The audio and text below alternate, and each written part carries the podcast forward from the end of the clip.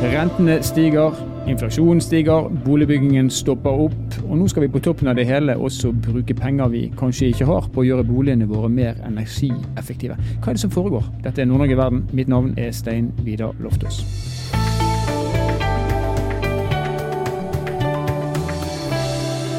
Bygg- og anleggssektoren i Norge og i Nord-Norge stålsetter seg for 2024. Tusenvis av arbeidsplasser står i spill når næringen møter lavere etterspørsel etter nye boliger og en reduksjon i investeringer i næringsliv og i offentlig sektor helt sånn generelt sett. Vi vet at denne næringen sysselsetter mer enn 22 000 mennesker bare i vår landsdel. Og ja, det de nå går inn i, det er vel mer eller mindre en slags perfekt storm, der ordrebøkene tømmes, samtidig som inflasjonen og høyere renter gir svakere kjøpekraft, og dermed lavere etterspørsel etter nye boliger. Hva betyr det her for landsdelen? Det skal vi dukke ned i nå. Og Senere i denne her episoden så skal vi òg få høre at nye krav fra EU kan resultere i at eh, du og jeg må ruste opp boligene våre for å gjøre de mer energieffektive. Men først skal vi snakke om bygg- og anleggssektoren. Og I den forbindelse så har vi fått eh, besøk i studio av Stein Windfeldt. Han er daglig leder for EBA Nord-Norge, som er regionsforeningen for entreprenører da i Nordland, Troms og Finnmark. Og Hjertelig velkommen til oss, eh, Stein. Tusen takk. Starter helt på et overordnet nivå. Hvordan er situasjonen for entreprenørene i landsdelen vår akkurat nå? Altså akkurat nå eh, er det, det er todelt, det må vi si. Altså For bygg og anlegg det er jo både en anleggssektor, den har det egentlig tilnærmet greit, men så har vi en byggsektor. Både boligbygging og andre typer bygg som har det ganske tøft. Eh, vi er kanskje i ferd med å tømme de siste reservene, og er, ser med stor bekymring på både 24 og 25. Mm. Så vet vi jo at eh, bakteppet, høyere renter, stigende inflasjon, alle har hørt om det, vi har hørt om det lenge. Men hva er grunnen til at det plutselig er blitt så utrolig mye dyrere å bygge?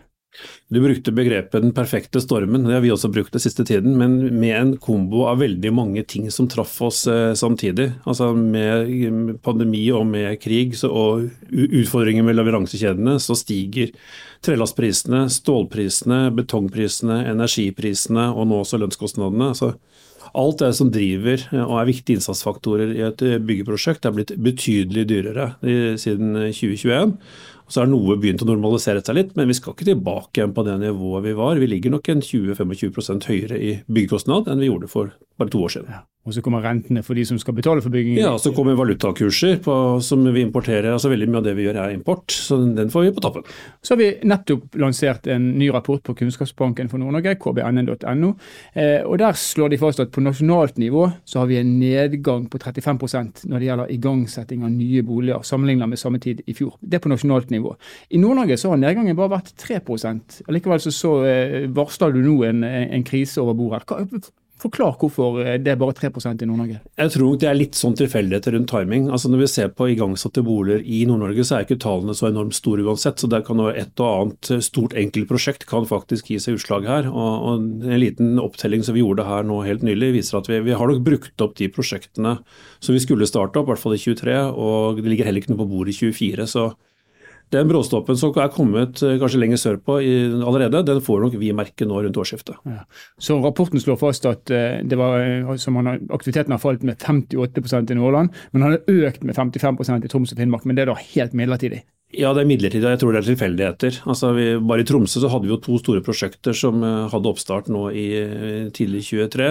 De er snart ferdig. og Det ligger ikke noe mer på blokka. og Vi ser det også på antall usolgte objekter, som nå er historisk høyt. Ja, Det hoper seg opp.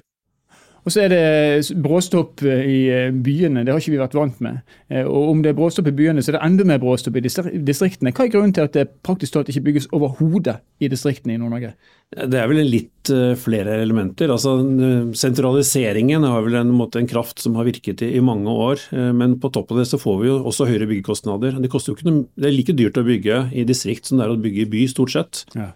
Eh, og når markedet er enda mer krevende der, eh, så er det naturlig at få tør å måtte bruke si 4-5 millioner på å bygge seg en enebolig, når de vet at i det øyeblikket nøkkelen settes i døra, så er måtte, kanskje 10-15 borte. Egenkapitalen tapt ja. etter, med å vri nøkkelen rundt en gang. Eh, du representerer da EBA. Dere har 94 medlemsbedrifter i Nord-Norge, hvis ikke jeg har talt helt feil. Og det her er jo både store, det er små og det er mellomstore. Du har for så vidt vært inne på det allerede, men hva er signalene fra medlemsbedriftene dine også når det gjelder konsekvensene av den utviklingen vi nå ser? Igjen tror jeg det er viktig at vi skiller på bygg- og anleggsbiten, for på anlegg er det ganske bra, men på bygg så er det stopp. Men Si, si litt om forskjellen på de to bransjene. Altså det, er, det, er, revet av to litt forskjellige parametere. Altså Anleggsmarkedet er jo stort sett revet av offentlige prosjekter, offentlige budsjetter. Og det er noen ganske, ganske mange store samferdselsprosjekter eh, på gang i, i, landsdelen. Eh, og en del av det er knyttet til drift- og vedlikeholdsarbeidet, som er ganske konstant og, og sånn. Men eh, bygg er mer drevet av renter og konjunkturer, eh, og der er det en, en kraftig bråstopp. og vi har sett de første permitteringene, vi har sett de første oppsigelsene, og vi venter vel egentlig på de første konkursene. Så det, vi, vi, er, vi, ser ganske mørkt på det neste året, kanskje også ut i både 2025 og 2026, for dette kanskje snur opp igjen. da. Men som også den investeringsstillingen som eh, Kunnskapsbanken har levert tidligere i år, så ser vi at i det lange løpet mm fram mot 2030 så skal det investeres 500 milliarder innenfor bygg- og anleggsnæringen i, i, landsdelen. Så det, det, kommer til å ta seg opp igjen. Spørsmålet er bare hvor mye skal vi blø, og hvor lenge. Det blir eh, verre før det skal bli bedre, det kan vi vel slå fast allerede. Men eh, når man da begynner med permitteringer, kanskje med konkurser og oppsigelser, er det jo òg en fare for at den kompetansen man da eh, mister, ikke kommer tilbake igjen. Hva, eh, hvordan ser dere på, på, det, hvis dette her mellomrommet her, eh, der nedgangstidene vil prege oss, blir for langt? Altså det er jo kanskje det vi er mest bekymret for. og Hvis vi ser tilbake til en kanskje tilsvarende krise som vi hadde på 1990-tallet, så var jo det en av de store utfordringene at den arbeidskraften eh, fant seg andre steder å, å, å tjene penger, og kom ikke tilbake når vi trengte den. Eh, så Samfunnsmessig største utfordring nå kan det være at når vi skal i gang med å bygge igjen om en to-tre år, så har vi ikke nok folk. og I hvert fall så har de flinkeste folkene funnet seg et annet arbeid. så Det at vi klarer å holde på den kompetansen nå over denne kneika, det er kjempeviktig. Mm. Eh, men da må vi ha noe, en eller annen form for stimulans av aktiviteten da, i, i, i den tiden vi er inne i. En eller annen form for motkonjunkturpolitikk trenger vi nå. Og Da kommer vi til, eh, til, beskrivelsen av mm. løsningen. For Jeg er jo helt sikker på at dere har eh, klare formeninger om hva mm. som bør gjøres nå. Hva er rådene, og hvem er det som bør lytte til de rådene? Eh, det er jo stort sett myndighetene vi må, må, peke på, og kanskje også nasjonale myndigheter som har de musklene som skal til. Vi har spilt inn på det vi kaller målrettet boligbygging, altså der hvor myndighetene kan være inne og stimulere. Vi har et stort behov for studentboliger, vi har et stort behov for eldreboliger, for omsorgsboliger, for flyktningboliger. Eh, dette er ting som, eh, hvor det er mange prosjekter som er klare til å settes i gang. Eh, og hvor det offentlige med å stimulere aktiviteten, med å øke lånerammer, med å se på ulike typer av, av, tilskudd, kan få opp aktivitet fort. Og Dette er jo samfunnsnyttig aktivitet som vi trenger, og vi kan få det til en billigere penge i hvert fall, i og med at vi nå har en god del ledig kapasitet. Mm. Og Da er det jo naturlig å tenke tilbake til pandemien som eh, Det kjennes ut som det er kjempelenge siden, men det er bare noen år siden. Da gikk jo staten inn med målretta tiltak for å berge de næringene som, eh, som led som, som, verst under pandemien. Og Det er samme type tiltak dere egentlig nå appellerer til myndighetene om å se på?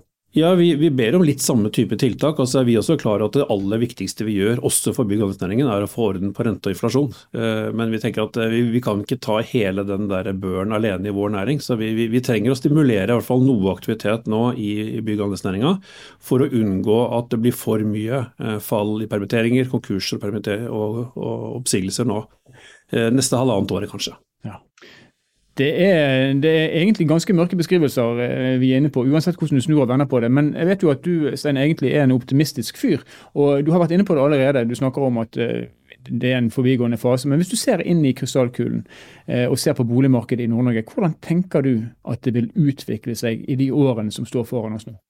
Det er jo grunn til å tro. altså Vi har jo alltid stusset på hvorfor må vi bygge så mye nye boliger. altså Bortimot 1000 i året bare i Troms uh, i, en, i, en, situasjon hvor folketallet ikke øker så mye. Men, uh, men, folk har jo andre boligbehov. Vi har andre demografiske utviklingstrekk. De kommer fortsatt til å være der. Det er jo satsinger i Forsvaret, satsinger i andre ting nå også i nord som kan gi ny aktivitet og behov for nye boliger. Jeg tror underliggende markedet er jo der. og så bare spør om at vi, vi, må, vi, må, komme oss gjennom dette. Så tror jeg at det er eh, mange spennende ting som skal skje eh, fram mot 2030 og utover etter det også. Jeg sa det i sted at det blir verre før det blir en bedre, og du sier 2030. Må vi helt til 2030 før dette det her retter seg? Nei, vi tror ikke det. Men eh, noen har spådd en veldig kraftig oppgang allerede i 2025. Eh, vi tror det er for optimistisk. Altså, de prognosene vi har peker nok på at vi må, vi må, få renta under kontroll, vi må få den ned, vi må få inflasjonen under kontroll. Eh, og Der ligger vel kanskje den tøffeste 2% på inflasjonen ligger vel kanskje foran oss. Mm. Å få den ned før vi ser at aktiviteten, den normale aktiviteten tar seg opp igjen. Og Så får vi håpe da på at kanskje myndighetene er inn med noen form for rentekompensasjoner, økte offentlige tilskudd, et eller annet, for å holde det i livet i mellomtiden. Vi har gjort det før, vi håper de gjør det igjen. Tusen takk for at du kunne være med oss, Stein Vindfeldt, som da er distriktsleder for EBA i Nord-Norge. Tusen takk.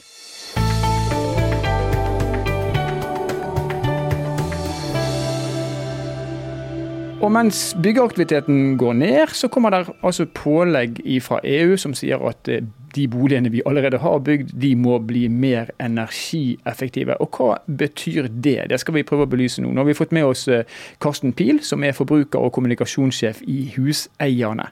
Og Huseierne det er altså en partipolitisk uavhengig og landsomfattende interesseorganisasjon for alle de som eier boliger, eller boliggårder eller borettslag.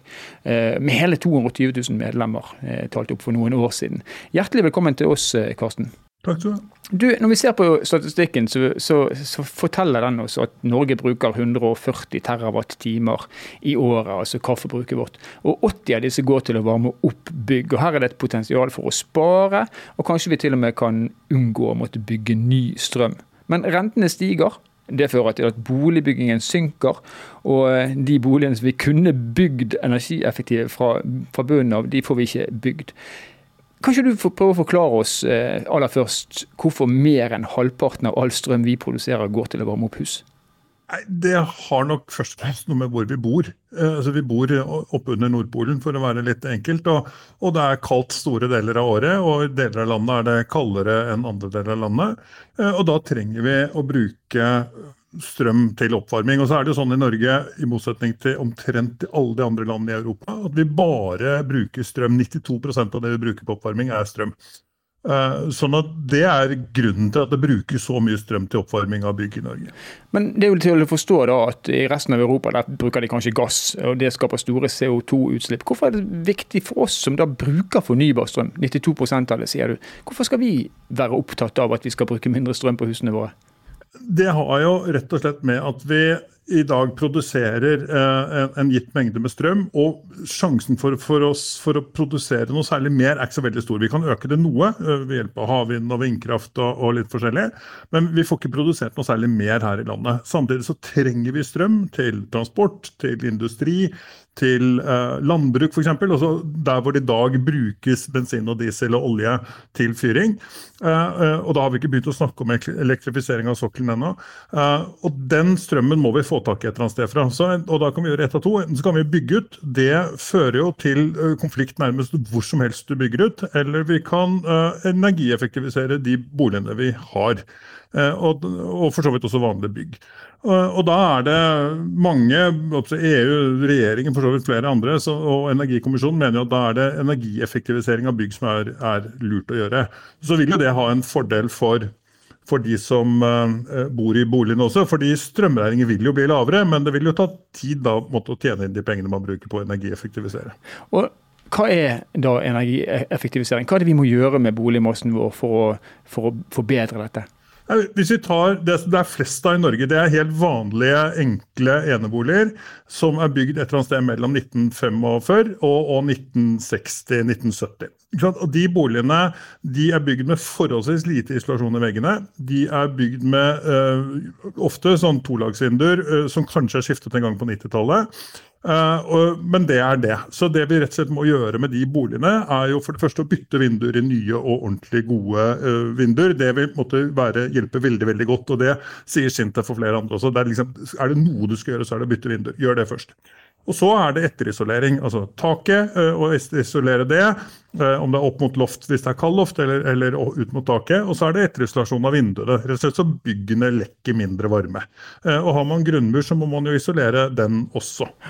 Og hvis man la oss si, hypotetisk sett, hvis man hadde gjort dette her med absolutt alle bygg man, hatt, man har i Norge, hvor mange av disse 80 TWh er det mulig da å spare? Ja, det man har regnet på, eh, som, som, vi har sett, da, det er jo knyttet til boliger. For det er det vi bryr oss om. De 80 TWh går jo mye på næringsbygg og sånn også. Hvordan det skal isoleres, det tror jeg noen andre enn meg skal svare på. Men på, på boligmassen uh, så ligger det et sted rundt 10 TWh å, å bespare i, totalt. da. Mm. Og hva vil det koste? Å, å, å gjøre denne etterisoleringen? Ja, ja, Det er et godt spørsmål. Hvis vi regner på enkeltbolignivå, eh, for det har vi gjort, for det er det letteste å gjøre, å si at vi skal flytte en sånn type bolig som jeg beskrev, altså bygd på, på 50-60-tallet, opp til 2010-standard, som er den måte, siste standarden vi har per i dag, det som kalles TEK10, og som er energiklasse C, men som lett kan gjøres til B, eh, så koster det et sted mellom en halv og halvannen million kroner. Litt avhengig av hva man har gjort før, og litt avhengig selvfølgelig av hvor stort huset er og hvor mange vinduer det er. og sånn.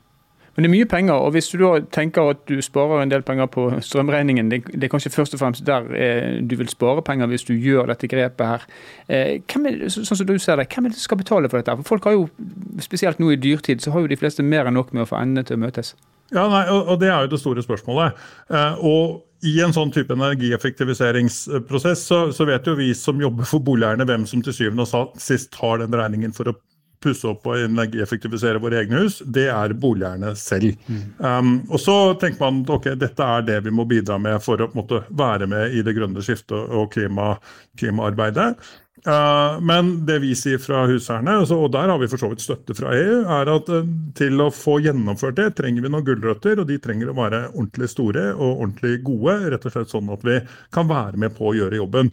Eh, og Da har vi foreslått uh, eh, f.eks. For momsfradrag på vinduer og isolasjon, som vil være en sånn godt stykke um, hjelp på veien. Men det er jo bare altså, vi kutter jo bare en fjerdedel av prisen, så du må betale resten selv. Ja. Men, men, staten må bidra på, på det området, sånn at vi, vi, får bidrag fra staten på dette. Og så Hvis du da følger eksempelet ditt på at man kan spare opptil 10 TWh, så kan man jo snu på flisa så kan man si at da kan jo staten spare seg og bygge ut ny kraft til 10 TWh. Kan man se for seg en sånn slags byttehandel her, at de pengene man måtte brukt på strøm, kan man heller bruke på hus? Ja, vi tenker jo det, at det er måten å regne på. Og det er jo også sånn nå at med, med, høy strøm i Norge, så har jo staten Norge hatt ekstreminntekter knyttet til salg av gass, og særlig gass, men også en viss grad olje ut av landet, som, som, staten får store inntekter på. Så, så, noe av de pengene går tilbake til oss som bor her. Det tenker vi det er, er fornuftig, nettopp for å få de gulrøttene for å få gjennomført dette prosjektet, som, som, vil være å energieffektivisere egentlig hele landet, på lik linje med de, de, de kravene som settes i Europa. Og så sier du at eh, med å etterisolere så kan man eh, enkelt bevege seg opp til energiklasse C. Og så sa du i sted at eh, derifra til energiklasse B så er det et ganske kort steg. Hva ligger i det steget mellom C og B? Varmepumpe. Så det er en veldig enkel sak. Ja. Så, så, det er egentlig det. For, du, du, kan isolere deg fram til C, sånn, sånn, som vi har det i dag. Du kan gjøre det videre også, men, men det greieste er å isolere seg fram til C.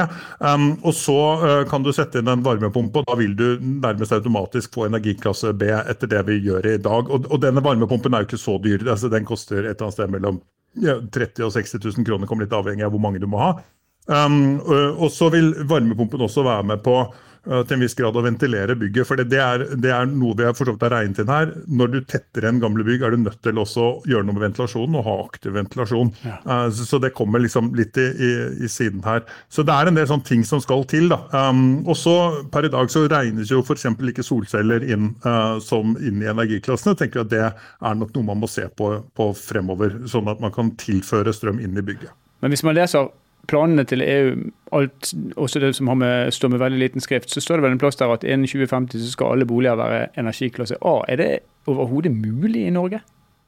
Ja, det, er, det, kommer litt an på hvor definisjonen rundt energiklasse A ender opp, tror jeg. Altså, man, man kan selvfølgelig bygge helt nullutslippshus, såkalt passivhus, um, uh, men, men det, er, det, er, vanskelig, og det er vanskelig å gjøre det på, på, på ettertid på, på, de fleste byggene. Men det er klart, det vi i Norge gjør, er at vi tilfører energi, altså strømmen, fra vannkraft.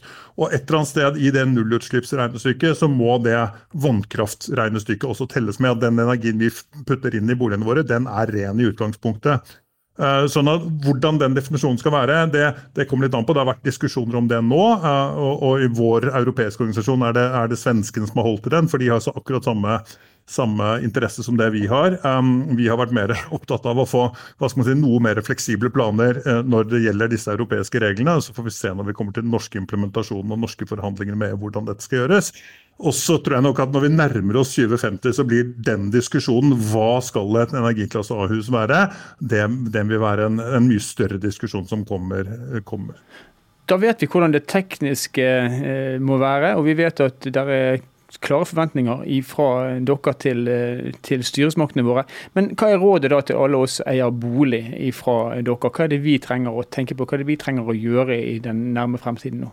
Jeg tror ikke de fleste nå må begynne å tenke på hva skal vi gjøre for å energieffektivisere den boligen vi bor i. Mm. Eh, og Det er jo lurt å gjøre uansett, for strømregningene strømregningen og energikostnadene kommer, måte, Når de har vært litt lave en, en periode, så kommer de til å gå oppover. og Så er det litt forskjell fra fra landsdel til landsdel, selvfølgelig. Men, men, men det å, energieffektivisering vil jo være med å spare strøm. Så det å begynne å se på hva kan vi gjøre, hvordan kan vi gå frem, det tenker jeg er det viktigste. Og så får jo vi telefoner nærmest eh, daglig så for folk som lurer på kommer det støtteordninger, når får vi momsfritak, fordi vi har snakket en del om dette her.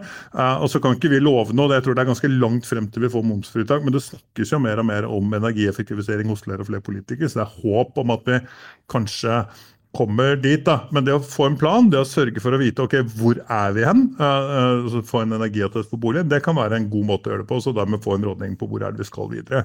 Og Hvis man vet at ok, her, vi har jo et hus hvor det lekker hele tiden og vinduene er litt ute etter, så kan det jo være at man skal allerede nå begynne å tenke på å bytte vinduer. Gode råd der. Tusen takk for at du kunne være med oss, Karsten Pil, som da er forbruker- og kommunikasjonssjef i Huseierne. Bare hyggelig.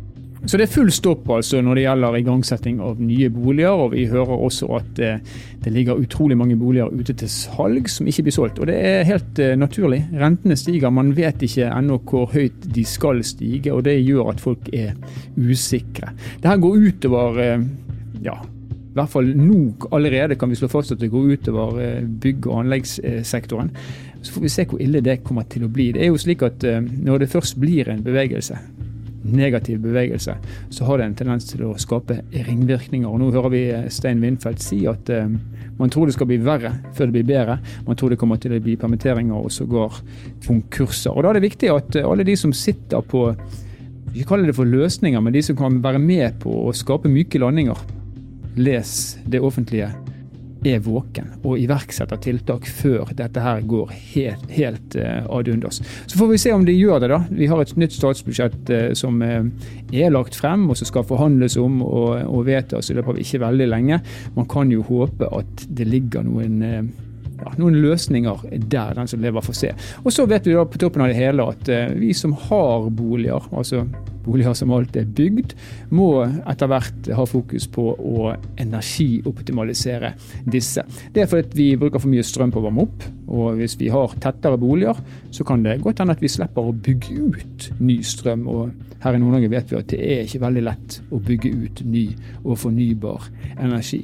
Så til deg og meg og alle som, som da sitter på, på, en bolig, så er det kanskje viktig da å huske på at eh, det neste oppussingsløftet du gjør, kanskje ikke skal være nytt kjøkken eller nytt bad. Kanskje det skal være nye vinduer istedenfor. Da vil du kunne oppnå en høyere energiattest. Litt lenger ned i gaten så kan det gjøre det enklere for deg eh, kanskje å selge eh, boligen. Og så vil du spare strøm, selvfølgelig. Og strømprisene vet vi de kommer i hvert fall ikke til å bli lavere i tiden som kommer. Mange bekymringer på en gang i denne episoden, men sånn er det her på tampen av 2023. Det skal bli verre før det skal bli bedre. Nord-Norge i verden er en podkastserie som er produsert av Sparebank1 Nord-Norge i samarbeid med Helt Digital. Musikken du har hørt er laga av Emil Karlsen. Mitt navn er Stein Vidar Loftaas. Vi høres igjen i neste episode.